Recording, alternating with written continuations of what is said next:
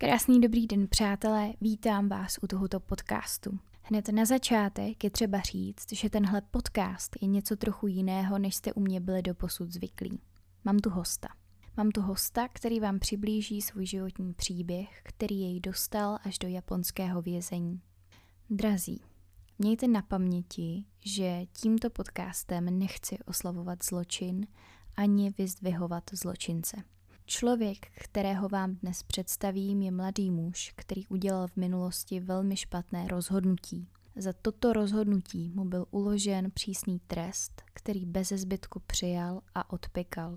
Dnes bychom vám rádi společnými silami předali tento příběh. Člověka, kterého vám představím, znám z osobního života a není to tak, že bych hledala příběhy na ulici nebo čekala před věznicí na toho, kdo první vyjde ven a bude si chtít popovídat. V nahrávce uslyšíte několik zmínek o právních předpisech, mezinárodním právu a diplomatických reálích. Abychom byli úplně přesní, tak na samém konci podcastu ode mě uslyšíte určité upřesnění a zhrnutí těchto informací a doporučení na další zdroje. A teď už vás nechám vyslechnout podcast s mým hostem Vojtou.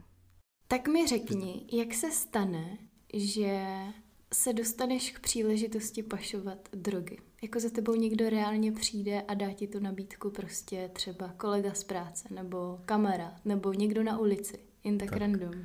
Jak se člověk dostane k něčemu takovému? Tak já jsem se k tomu dostal tak, že jsem se narodil. A byl jsem velmi problémové dítě.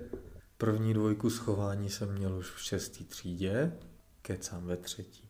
Věčně to bylo takový jako nacházení žákovských knížek ve schránce, že to přines někdo z vedlejšího vchodu, že jsem tam švihnul do sklepa, že to končilo pětkou. Tak potom byly horší starosti, kdy mě bylo zhruba jedenáct, začal jsem kouřit, tak jsme chodili s klukama do lesa, nikdy ne za školu, teda to ne, to docházku jsem jako dělal, ale prostě tak ta z té bandy potom jeden začal doma pěstovat trávu, takže zahaftli policajti, doma přišel první, do, první dopis s modrým pruhem, rodiče velice potěšení, tak šli se mnou na ten výslech, tam se na naštěstí se dozvěděli, že tentokrát se ještě nejednalo o mě, pak byli další a další a pak vlastně jsem šel na Inter do Hradce Králové. Poznal jsem tehda tu svoji bejvalku, která vlastně bydlela v Praze. Já jsem tam jakoby taky bydlel, ale dojížděl jsem na ten Inter do Hradce. Tam se zdálo, aspoň podle slov těch rodičů, že se všechno uklidnilo. Jenomže já, to je zase delší příběh, co se týče jako toho vztahu, ale prostě díky tomu nemám dostudovanou střední školu. Mám pořád jakoby nejvyšší vzdělání základní. A byl problém sehnat práci v Čechách. Měli jsme takový velmi houpavý období, na konci kterého jsme se ale teda rozhodli, že spolu chceme být, ale už ne tady. Prostě, že tady jsme měli všude ty vzpomínky na to, co se stalo a jí zjistili nějaký nemoci a nevím co, takže jsme se rozhodli, že odjedem. Na výběr byla, bylo Německo nebo Anglie. Vyhrála Anglie, protože za prvý to bylo dál od domu a za druhý to bylo, že uměli jsme oba relativně dobře anglicky jsme si mysleli. Respektive já jsem vždycky byl jakoby eh, na vrcholu třídy, to byl jediný předmět, v kterým jsem, je, dejme tomu, vynikal. To máte v rodině? Angličtina byla povinná od čtvrtý třídy, ale táta mě začal platit vlastně už od první třídy. Klárka se vlastně učila už ve školce. No nicméně, přijeli jsme do té Anglie, kde, do Liverpoolu, kde jsme teda nerozuměli nikomu ani slovo. Nakonec jsme zjistili, že to není až do, do takové velké míry náma, ale že lidi z Manchesteru, který je 50 km od tamtud, když přijedou do Liverpoolu, tak mají problém rozumět. Nakonec jsme se tady jako poprali, přijeli jsme tam vlastně v květnu, červen, červenec, srpen, září, ještě i říjen v pohodě, to jsme prostě, 30 jsme ty práce střídali, protože jsme byli jakoby zaměstnaní u agentury, která nás prostě poslala tam, kde zrovna měli nějaký místo, když byl někdo na dovolený a tak. Potom začal být problém, protože ty, co tam byli na tu sezónu, tak odjížděli, že přestávali být e, práce. To došlo na vrchol po Vánocích, kdy vlastně Britové absolutně přestávají nakupovat kromě jídla oni nekupují prostě nic. Jo, žádný oblečení, hračky, tady ty věci. Takže výrobny a sklady tady těch věcí buď se zavřou úplně, třeba na dva, na tři měsíce, nebo jedou na minimální provoz na kmenový zaměstnance a lidi přes agenturu, kor cizinci prostě nemají šanci. Mm-hmm. Takže my jsme pak opravdu chodili, když tam někdo onemocněl na dva, na tři dny, tak prostě nám zavolali z agentury, že můžeme jít a to bylo třeba tři dny v práci, ze 14 dnů jsme byli. No, ta přítelkyně, jak jsem říkal, už byla nemocná, měla cukrovku mimo jiné teda a dokonce to dopadlo tak, že jsme neměli vůbec žádný peníze a z úřadu práce ji poslali na charitu do města, kde jsme dostali tašku s jídlem, konzervy s fazolema a tak. to bylo dobrý. Na druhou stranu to mi dost pomohlo posléze. No. Ty jsi hodně velký dobrodruh.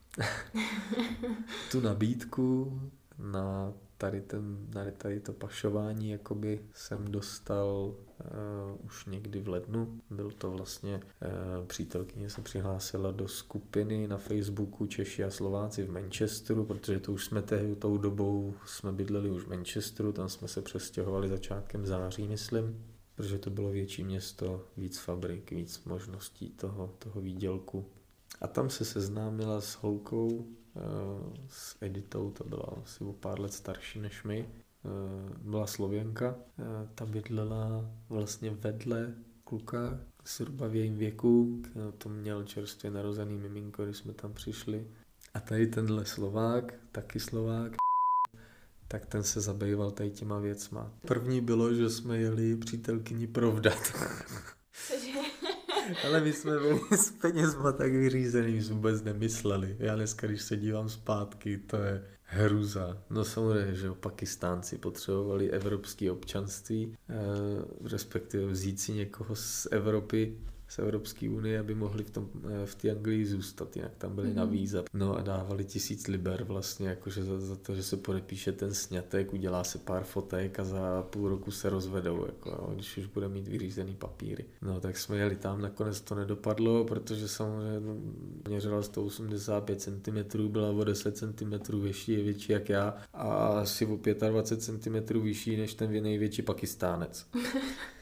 takže to byl docela problém. Takže oni si ji nevybrali, ale zaplatili jakoby něco, že teda jela, takže jsme dostali asi 250 liber, takže jsme z toho mohli chvilku žít. Pak tam byl nějaké ještě, že oni tam cigáni ze Slovenska, tak tam padě, padělali cigára, dělali mm. tam nějaký, dávali na to jakoby značky, pak to rozváželi po trafikách a my jsme teda dělali podíl na nějakýho, který někoho jiného podělal, já vůbec se v tom už nevyznám. K nám domů přijeli cigáni s plným kufrem cigaret prostě, no, my jsme tam to od nich jakoby kupovali, no, to pak jsme na ně vlítli a vykopali jsme je pryč a to No a pak právě přišel s tím, že vlastně zařizuje pro Iránce, který mají v Iránu laboratoře a takže tam mají jakoby varnu a že to pak převážejí do Japonska. Mm-hmm. A on právě jim jakoby dohazoval ty kluky, který prostě to tam vzali ten kufr a jeli tam s tím.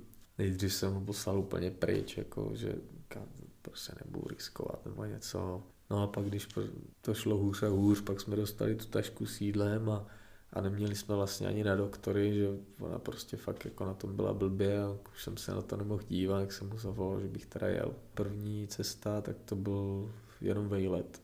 To jsem měl vlastně do Turecka, do Istanbulu. Tam jsem byl 14 dní. Istanbul je jedno z nejkrásnějších měst, jaký jsem kdy viděl. A to se tam jako nic nedělal? To jsi měl jako volno? Nebo to? No, prostě dov, dovča, no. Všechno mi platili, hotel mi platili, čekalo se vlastně na ten kufr, až se mm-hmm. připraví. A oni tehdy, ty Iránci, byli asi tři nějaký kámoši a nějak se mezi sebou pohádali, takže ten jeden, ten kufr, který byl připravený, poslal po někom jiným. Mm-hmm. Takže po 14 nebo 10 dnech jsem měl vlastně zpátky. Tam jsem čekal ještě měsíc, než udělají další, pak jsem letěl do Ankary tam večer jsem dostal kufr a hned druhý den jsem odlítal vlastně eh, z Qatar Airways přes Dohu do Japonska. Mm-hmm. No, tak takhle se k tomu člověk dostane, no. je ze dne na den a nepřemýšlí o ničem, no. A co se týče toho samotného kufru, tak ty se s ním vlastně už musel projít přes to turecké letiště. Tam to bylo všechno v pohodě. Tom se nic nestalo. Neměl jsi strach třeba? No tak strach jsem měl, že jo, ale prostě...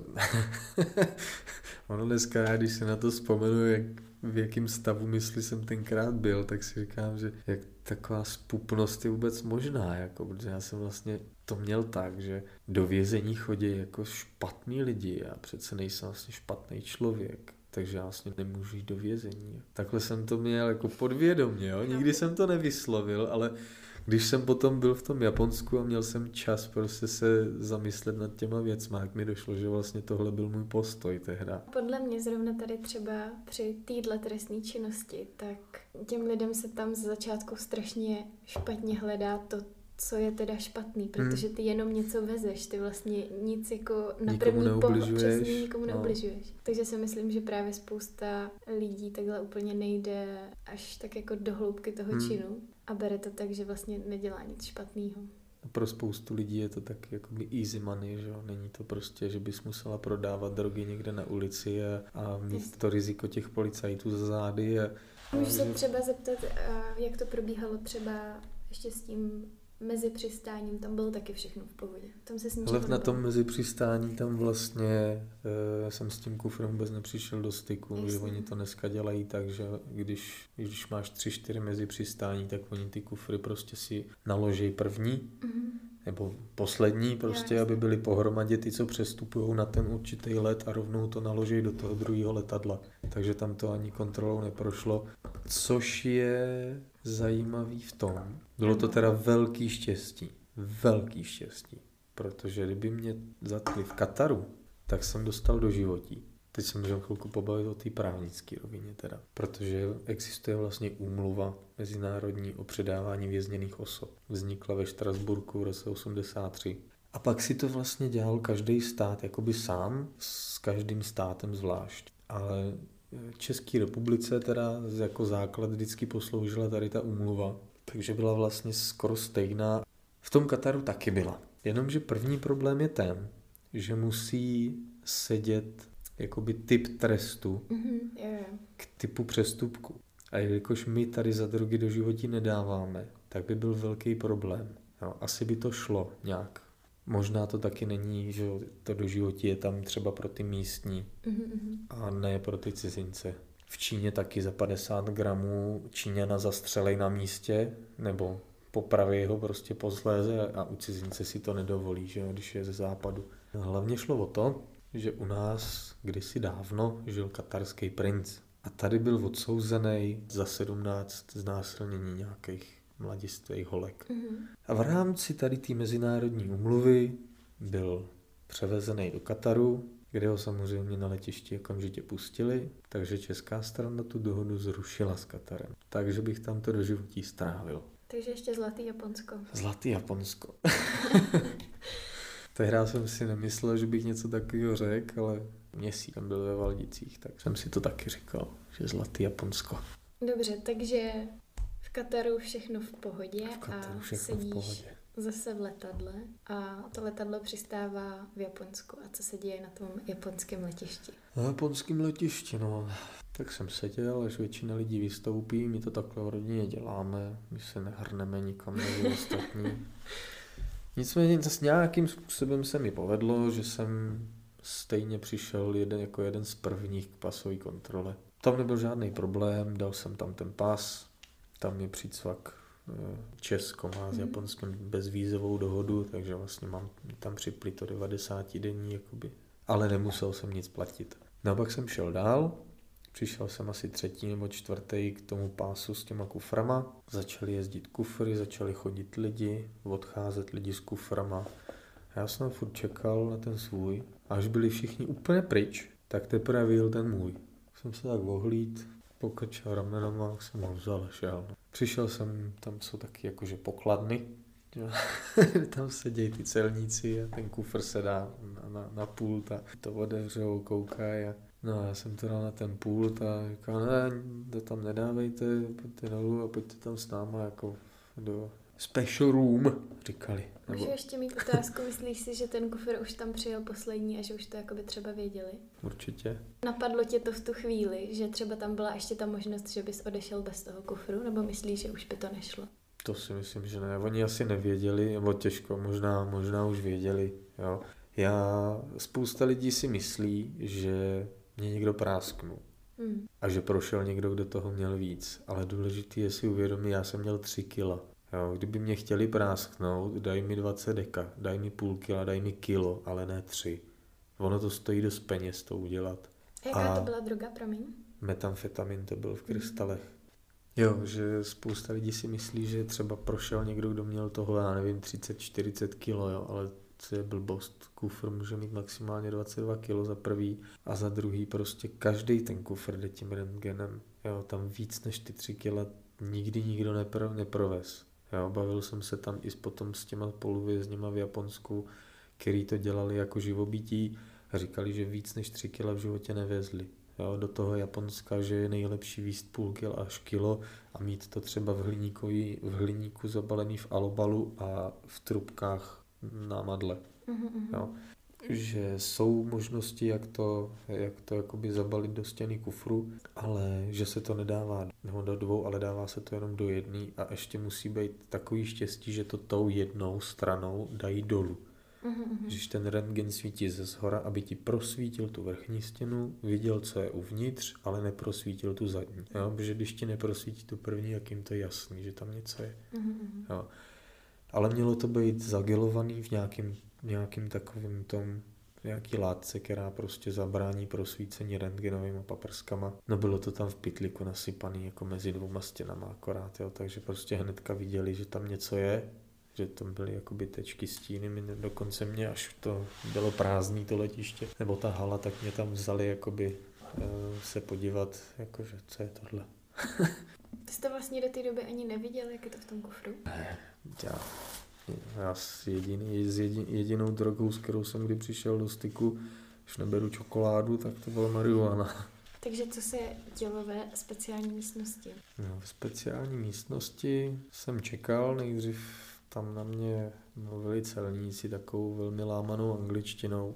Pro lingvisty zajímavá chvilka. Eh, Japonci mají spoustu slov převzatý z angličtiny. Japonci mají spoustu slov převzatý z angličtiny, ale mají to napasovaný na ten svůj 27 slabikový jazyk, což je problém. Já jsem anglicky v Turbu už měl dobře, žil jsem rok v Anglii, dokonce jsem i v Liverpoolu věděl, co mi říkají. V Japonsku jsem měl prostě hrozný problém, protože oni měli slabiky a vždycky to byla souhláska a samohláska. Mm-hmm. A takhle to prostě v těch našich jazycích nefunguje. Takže třeba postel jako bed bylo beto. Mm-hmm. Jo. A to je, to, je to, to je to poslední. Jo. A bylo fakt, to byl problém, eh, co jsem pak zjistil, takový zajímavosti, že třeba Japonci vůbec nepoužívají svůj, svoje slovo pro knoflík, že prostě používají botan. je to, ve své podstatě japonština jako taková je velmi primitivní jazyk. Jo.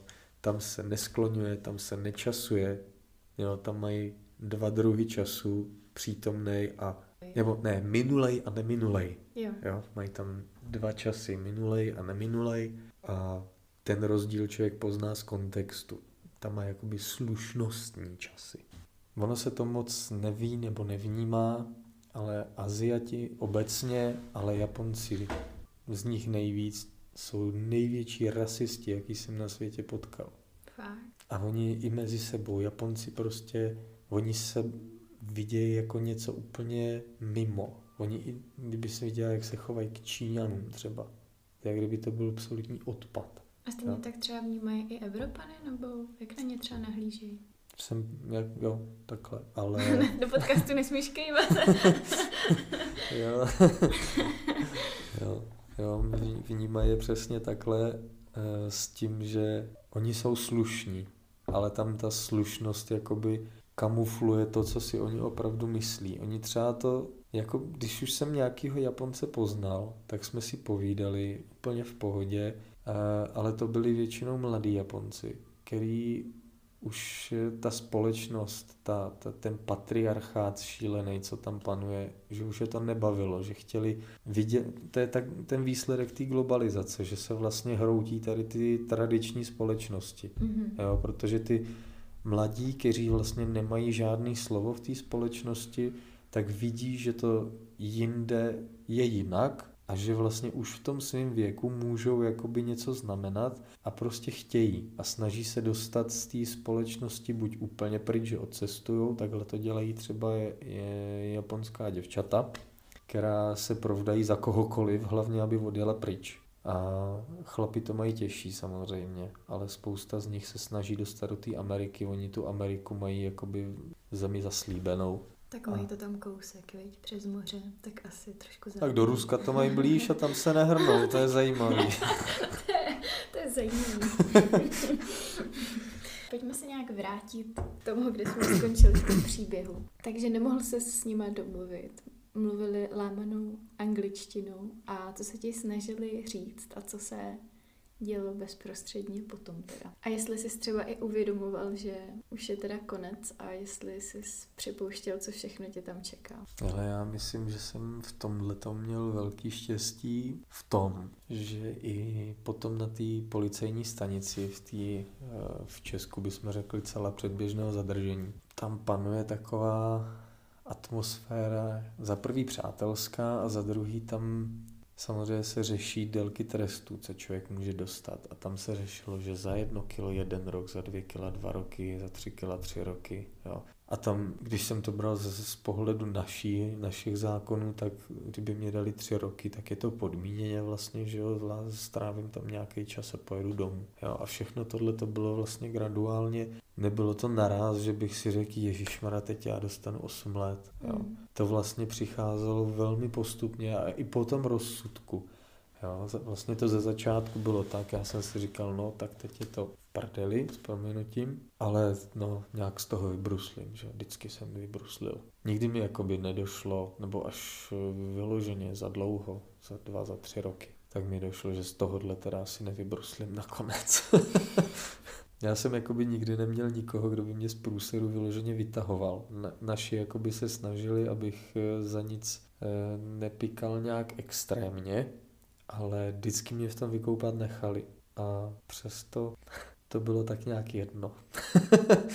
prostě já jsem opravdu, ani nevím, jestli hlavy, ale prostě já jsem si tu hubu vždycky potřeboval nabít sám. No. Dělali ti na té celé předběžného zadržení nebo testy na drogy, on tady jenom mě, mě dělá nějaký testa. Když si ty dělali testy na drogy? E, testy na drogy mě dělali hnedka na tom, na tom letišti. Tam zjistili, že vlastně nejsem, nemám nic v krvi a Ono se to zjistí nějakou dobu zpětně a na tom letišti, když jde o takovéhle případy, tak vlastně mají velmi kvalitní ty testy a zařízení. Takže zjistili, že po dobu nějakého půl nebo tři čtvrtě roku, že jsem nic neměl.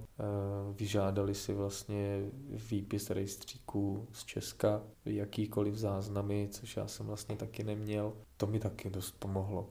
A ty se předtím ale ptala na to, jak, jak mi, jestli mi to došlo, mm-hmm. jako, že teď už jako konec. No tak eh, bych to jakoby dopověděl, tam bylo vlastně, že mě zatkli, já jsem si říkal, jo, je, pro, je problém, ale nějakým způsobem se z toho dostanu. Pak na té policejní stanici, kdy jsme tam byli po dvou na celách, tak tam byl právě peruánec, který tam byl zadržený, no to je jedno proč, ale dlouho a eh, ten mi právě říkal, že to je takhle jeden rok, jedno kilo, jeden rok, dva, dvě kila, dva roky a tak. Tak jsem si říkal, OK, tak všechno jsem to psal ty přítelkyni, samozřejmě, že si to překládali, to se museli docela dobře bavit u toho ty Japonci. A potom vlastně po půl roce jsem měl soud, tam mě řekli těch 8 let, ale bylo to vlastně tak, že hned mi ambasáda řekla, že jakmile mě odsoudí, tak můžu zadat žádat o převoz mm-hmm. do Česka. Mm. Což jsem si říkal vlastně dobrý, tak mě, že to mě taky říkali tam ty kluci, že to funguje v těch zemích tak, že prostě přijede člověk a, a rozepne mu pouta a je svobodný. Tak jsem si říkal, že tady budu tak ještě půl roku, možná rok. Pak mě vlastně převezou, bude to dobrý. Zatkli mě vlastně 24. dubna na můj svátek 2014 a převezli mě 17. prosince 2007. Takže skoro čtyři roky to trvalo, než mhm. mě jakoby vyřídili ten převoz. A to už jsem teda věděl, jako, že to už nebude nic extra, ale to už jsem zase prošel takovýma fázema té změny a všeho, že jsem s tím byl tak nějak smířený. Ale tehda v tou dobou už to bylo víc věcí, které mě došlo. A víš třeba zhruba v jakém okamžiku se o tom dozvěděli tady vaši a, a ta? Měla jsi vůbec nějak jako možnost podat jim zprávu nebo dala jim vědět ambasáda, jak to bylo? To vím úplně přesně, jak to bylo. Já jsem vlastně, protože ty Iránci vlastně měli kopii mýho pasu a nebo respektive ofocenejho mě, ne jakoby patělek nebo něco. Ale prostě věděli, kde, kde, kde bydlím, kde bydlejí moje rodiče se sestrou, že jo, všichni, co jsem měl rád. A věděli, kde bydlí ta přítelkyně té Anglii, jo, takže já jsem prostě nechtěl vypovídat proti ním, nechtěl jsem vypovídat vůbec. A vypovídal jsem až po tom, co mě jakoby ujistili, že se to jakoby v Čechách nikdo nedozví, že to je jako jejich vyšetřování a tak. A zhruba po třech měsících, když teda jsem byl v kontaktu jakoby s rodinou, ta, ta Míša tam vlastně ta jim nějaký informace podávala, řešila, řešila ty věci i s tou mojí právničkou v Japonsku. Pak když jsme si začali psát s mámou, to bylo dva, tři měsíce potom, co mě teda e, zatkli, tak mi, tak mi máma psala, že táta to věděl od začátku vlastně, že to bylo den potom, co mě tohle ujištění dali, že to, že to nikomu ne, ne, jako nikdo nedozví v Čechách. Kdy za tátou na Dukovany přišli dva policajti a řekli mu, že jeho syn sedí v Japonsku. A jak to mohli vědět? Protože jim to řekli. Protože už si vyžádali na mě papíry. Takže tě jenom se snažili zmanipulovat a lhali ti. Dějou se horší věci u policajtů. Ale jako, přijde teda jako obrovská rychlost i na to, že si vezmeš tak, jako jsou to pořád státní orgány a nejednají až tak rychle. Ale to nebylo jako by den po zatčení. Jo, já jsem opravdu třeba deset dní, deset dní jsem tam jakoby mlžil a nic jsem neříkal, vymýšlel jsem si pohádky a až potom mě vlastně dali to ujištění, ale oni vlastně ve chvíli, kdy mě zatkli, kdy zjistili, kdo jsem, tak si jakoby vyžádali přes českou ambasádu informace. Jo? A tam potom nějakýma těma kanálama to došlo až na tu pobočku někde tam poblíž eh, Dukovan a, a poslali za tátou dva četníky. No. Říkali ti třeba někdy rodiče, jak poprvé jako zareagovali nebo jak Máma to vlastně říkala, že se to dozvěděli, když eh, byli na Skypeu s tou Míšou jo, že jim to řekla teda nakonec. To řekla, že ani jako na slzy neměli oba, že táta už to teda věděl v tu dobu, jenom to prostě mámě nechtěl říct. Nevěděl jak asi. Máma ta žena se podívala na tátu a říká, no tak dál už od nás utíct nemohl. My jsme doma hrozně bojovali. Jo, to bylo s mámou ani tak ne, ta máma je máma, no. Tam má člověk pocit, že kdyby člověk zabil 20 lidí a přišel domů a objal mámu, takže mu odpustí všechno. Honoré de Balzac řekl, srdce matky je hluboká propast, na jímž dně vždycky najdeš odpuštění. Táta byl vždycky takový, vždycky to byl prostě v srdci alfa samec. A on prostě vždycky měl ten pocit, že, že musí ten tu rodinu prostě zajistit, že musí, jo, že všechno musí, chlap je od toho, aby všechno zvládnul. Chtěl prostě já nevím, jestli si to někdy vůbec uvědomil, ale já mám pocit, že prostě v podvědomí má to, že jako jsem jeho prvorozený a chtěl, abych něco dokázal. Jenomže já to bral zase z té druhé stránky. Já tím, že jsem byl jakoby takovýhle hajzlík, tak eh, přesto všechno jsem k tomu tátovi vždycky hrozně vzhlížel. To toho mi taky došlo až v tom Japonsku, kdy jsem opravdu měl čas 24 hodin denně někdy prostě ve vlastní hlavě přemýšlet o tom, jak to, jak to bylo a co jsem tehdy, tehdy cítil. A já jsem toho tátu měl tak jako za poloboha až prostě, že on je prostě dokonalý, jako jo, že já ho vlastně nemůžu v ničem předčít, ani, ani se mu vyrovnat, tak já se radši ani, ani snažit nebudu. Jo, a šel jsem právě na trud úplně opačným směrem. Jo, já nechci se na nic vymlouvat, rozhodně tomu nepřisuzuju, že díky tomu, že jsem že táta byl tak skvělý, nebo že jsem ho já vnímal jako takhle skvělýho, že jsem se dostal do japonského vězení. To ne, to samozřejmě. To byla čistě moje zásluhy.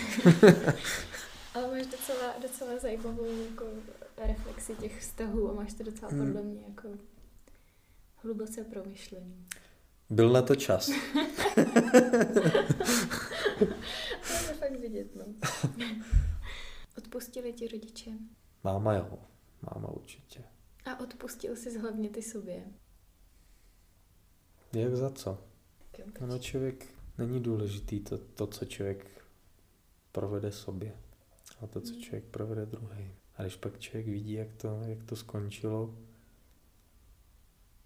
byly doby, kdy to bylo hodně, hodně ošklivý. No. Byly doby, kdy jsem měl papír přes zrcadlo. Pojďme se vrátit teda do Japonska. Řekni mi, zajímalo by mě, jak v tom Japonsku třeba probíhal nějaký styk mezi tebou a tou českou stranou v Japonsku. Jestli máš pocit, že ti vůbec třeba v něčem pomohli a v jakých situacích třeba se na ně mohl obrátit nebo naopak, v čem tě třeba zklamali a jestli to celý k něčemu bylo. No, to jsem si měl vzít asi ty podklady sebou, protože přece jenom už je to, to přes sedm let a ne všechno si pamatuju. Že tehdy chodila za mnou kon, konzulové, chodí takhle vlastně potom. Občas posílají nějakou spojku, když potřebují jenom něco zjistit nebo něco předat, ale jsou vlastně ty konzulární návštěvy, oni mají jakoby povinný.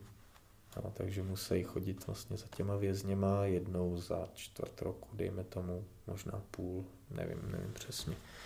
Každopádně ze začátku chodila celkem často. Jo. Poprvé přišla po 14 dnech, co jsem tam byl, což je to jako relativní, ale z jednoho pohledu 14 dní je docela rychlý. Přišla už vlastně, jako by měla připravený spoustu jakoby podkladů, že mi řekla, co a jak by asi mohlo být a tak.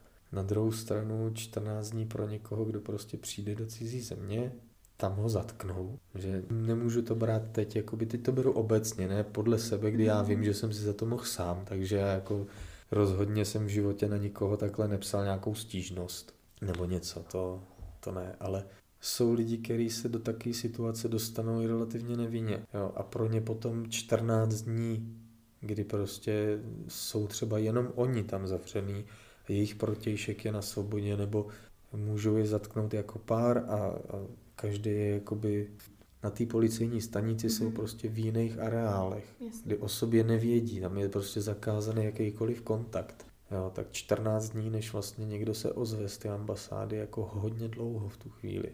To si člověk ani neuvědomí, jak strašně dlouho to je. No a přišla, nastínila vlastně eh, ten tu možnost toho převozu v rámci té mezinárodní umluvy. Taky mi říkala, s čím mi můžou pomoci, respektive mi spíš řekla, s čím mi pomoct nemůžou. Na druhou stranu, já jsem od nich tehdy čekal, že nějakým způsobem se za mě třeba jako zasadí, jo, jak je to tím taky, jak ten svět funguje na, na těch médiích. Jo, asi pár měsíců potom, co mě zatkli v Japonsku, tak začali, zatkli čtyři Čechy nebo tři Čechy ve Španělsku, který na lodi převáželi 400 kg kokainu.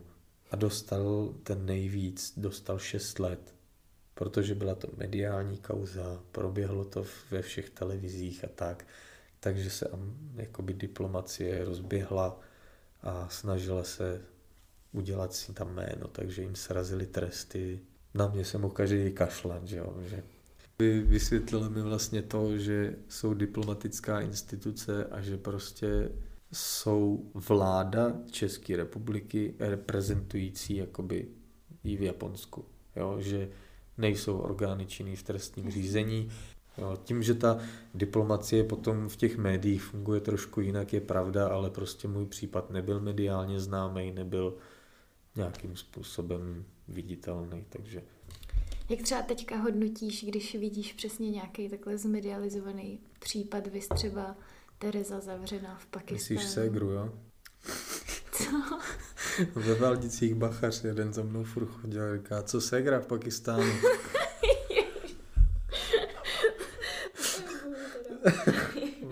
to byl debil, no. No a jak to, jak to třeba takhle hodnotíš? Máš na to už takhle nějaký třeba jiný pohled skrz to, co jsi prožil a myslíš, že s ní třeba soucítíš? Ale tak samozřejmě prostě, když jakoby seš součástí určitý skupiny lidí, která prostě dělá určitou činnost, tak samozřejmě, když... ale jakoby je to vtipný, ale je to tak, jo. Je to, prakticky je to stejný, je to práce, jak říká v mafii ve hře, jestli jsi to někdy hrála, práce jako každá jiná. No, akorát to musíš hlídat víc, no. Jo, je úplně jedno, co na světě děláš, prostě máš své spolupracovníky, máš své kolegy, je to taková komunita. Jo, je to všude je to úplně stejný, akorát prostě to je to postavený mimo zákon. Jo, takže samozřejmě, že člověk jako s tím soucítí, ale to zase není proto, že by si třeba dovedl představit, co jako podstoupila nebo něco, ale že jakoby ví, co to znamená, jo? že není to úplně to, že bych jí litoval, prostě jako každý svýho štěstí strujcem, jo? ale zase je to spíš o tom, že si dovedu představit líp než kdo jiný, čím asi jakoby procházela, co jí jakoby na té cestě potkalo. Nicméně, když jakoby srovnáš ty případy, tak to je něco diametrálně odlišného. Jako jo, to je holka, která se tím živila, jo, e, žila vlastně s borcem, který jí do toho jakoby zatáh, který to taky dělal jako kšeft dlouho. A je to těžký, no. Já jsem četl tehdy rozhovor, mamka mi do, do, těch, do toho Japonska posílala reflexy, Oni to odebírali, časopis, nevím, jestli to jestli jo, jako podprahová reklama, jestli to vyřešíš. to říct. prostě jistý časopis, který v naší rodině je e, preferovaný e, od, od doby, kdy tam Strejda napsal článek. Odebírali to, přečetli si to, poslali mi to do Japonska. A byl tam právě jakoby e, rozhovor s matkou té Teresky. Jo? A vlastně ve, spoustě, ve spoustě věcí byla jakoby hodně podobná jako já. Jo? Že taky prostě se hrozně dlouho hledala, nevěděla, kdo je, co je, co chce, kdo chce. Jo? Tak jako proplouvala životem, čekala, až na něco narazí, tak narazila. No. Bohužel to vypadá, že jí to moc nedalo. Na druhou stranu těžko hodnotit, jo, protože nedovedeme si představit, jak takový vězení v Pakistánu vypadá. Jasně. Jo, poslední konzulka, kterou jsem zažil v Japonsku, úžasná paní, eh, tak dělala naposledy konzulku v Indii. A to říkala, to buďte rád, že jste tady. Takže těžko říct, jo, že nedovedeme si představit nikdo, čím tam musí procházet. Jestli bys nám mohl říct, jak eh, třeba probíhala ta cesta z toho Japonska? Se pro tebe přijede Cesta z Japonska? Jaký zástupce český justiční eh, stráže? Ne, no, no, no, přijedou, přijede jakoby, přijedou normálně bachaři, jo, mhm. který mm-hmm. jakoby eskortáci, co jezdí s výjezdama, jo, to jsou chlapi, který e, dělají fyzické zkoušky a tak, jo. třeba normální bachaři nemusí ani Tady ty jo, mají to docela trsný, že přijeli, přijeli to, byla, to byla právě docela sranda. Přijeli tři takovýhle chlapy, asi dva metry. já jsem, já jsem tam na ně tak koukal, až mě z nich bolelo za krkem. Říkám, byste věděli, pro koho jedete, tak by vás, by vás přijela půlka. Tak se začali smát a jednomu jsem tam vykecal díru do hlavy za těch 11 hodin letu, protože jsem, že neměl moc možností si povídat v češtině, takže to celá otevřela, prolomila hráz. A jinak musím říct, že to byli ty nejpohodovější bachaři, který jsem viděl. No, že to byli fakt v pohodě chlapy, normálně jsem přišel, sedl jsem do letadla, odepli mi pouta, ještě jsme se ani neodlepili od země. No, že jako... Tak já si myslím, že jestli mají třeba takhle fakt tu zkušenost, tak asi většina lidí neprotestuje s tím, že jede do Česka, ne? Že asi mají ale tak to ne, ale tak prostě pořád je to, jo, že jako při té přepravě je to jakoby nejnáchylnější. Jasně, jo? Vždycky nejvíc útěků bylo při přepravě a tam jakoby v pohodě, no. A řekni mi to jako nějaký úplně normální, třeba jako turistický letadlo a vy tam sedíte třeba v jedný, v jedný řadě no. mezi jako ostatní. Přede mnou už seděli normálně lidi. Měl bys někdy nedovolenou do Japonska teď? Rád, kdyby mě tam pustili. To je na tom ten největší paradox, že já Japonsko pro mě vždycky bylo hrozně romantický, jako hrozně romantická představa, že bych tam vždycky chtěl jet. Umocnil to v roce 2002 ještě táta, který vlastně tam byl asi měsíc na služební cestě. Experience sharing, dneska bychom mm-hmm. řekli. Sdílení zkušeností v rámci těch jaderných elektráren. Byl tehdy, tuším, na těch Fukushimě se podívat. Hrozně jsem tam vždycky chtěl, tak jsem si to přání splnil.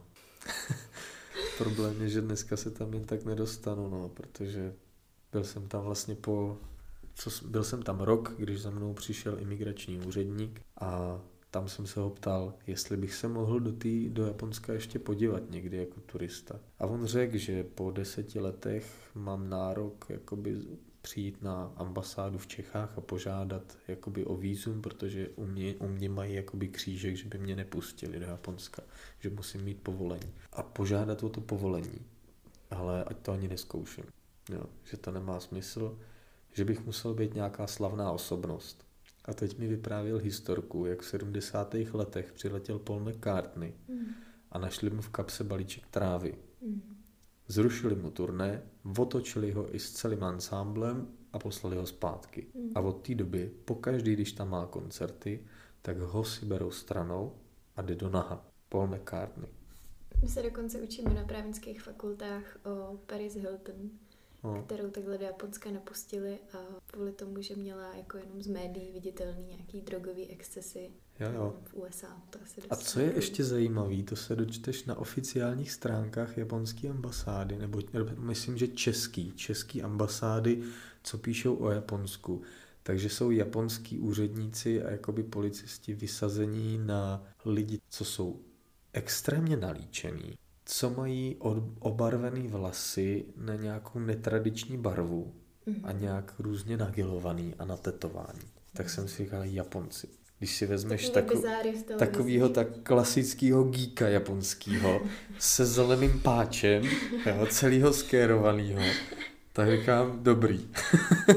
tak si to mají rádi jenom takhle u svých vlastní. Třeba do, do veřejný, veřejného bazénu tě nepustěj s tetováním. Musíš si ho buď zakrejt, nebo prostě mít tričko. Dokonce tam prodávají, to snad ani u nás nejde koupit, prostě jsou samolepky na, na kůži, no. který zakryjou tetování. Takže já teda udělala velkou blbost.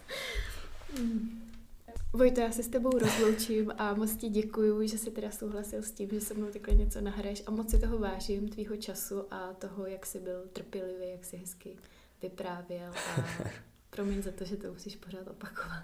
Pohodě, já jsem, já jsem zase ne u všech, ale jsem jako potěšen, že někoho takhle starý kriminálník zajímá.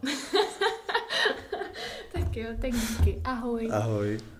Jak bylo v podcastu zmíněno, česká právní úprava dané problematiky, stejně jako úprava mnoha dalších států, vychází z existence Štrabsburské úmluvy o předávání odsouzených osob z roku 1983. Tato úmluva vznikla na poli Rady Evropy a jak jistě víte, tak Česká republika je členským státem Rady Evropy. Tuto úmluvu můžete v českém právním řádu najít také jako sdělení číslo 553 lomeno 1992 sbírky sdělení Federálního ministerstva zahraničních věcí o sjednání úmluvy o předávání odsouzených osob. Co se týče Japonska, tak Japonsko je pozorovatelskou zemí Rady Evropy, což znamená, že je velkou částí pravidel vázána schodně jako členské státy. Co se týče dalšího tématu diplomatických styků Kataru, tak ty jsou všeobecně problematické z mnoha důvodů a s množstvím zemí. A nejinak tomu je s Českou republikou. Jak byla řeč o katarském princi, tak jeho jméno je Hamid bin Abdel Sani, a je to člen vládnoucí rodiny Kataru. Od roku 2004 byl u nás stíhán za pohlavní zneužívání, ohrožování výchovy mládeže, jehož se dopustil opakovaně souloží s nezletilými dívkami. Podle tehdejší obžaloby zneužil celkem 16 dívek, přičemž některým z nich nebylo ani 15 let. Následně při řešení jeho trestných činů došlo k předání trestního stíhání do Kataru a v roce 2007 katarský generální prokurátor rozhodl o ukončení trestního stíhání, přičemž to ukončení trestního stíhání bylo odůvodněno tím, že si princ vytrpěl už příliš a proto není třeba ho nijak dále trestat.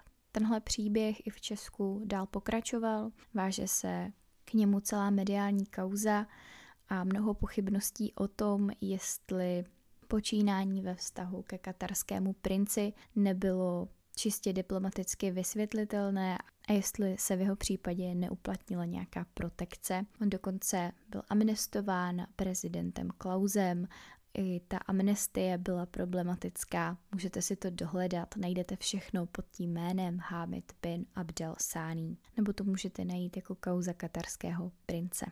Co obecně říci ke kriminalitě Čechů v cizině? Dle přehledů Ministerstva zahraničních věcí bylo v roce 2016 vězněno v cizině celkem 1227 Čechů a z nich 154 bylo odsouzených v souvislosti s pašováním drog.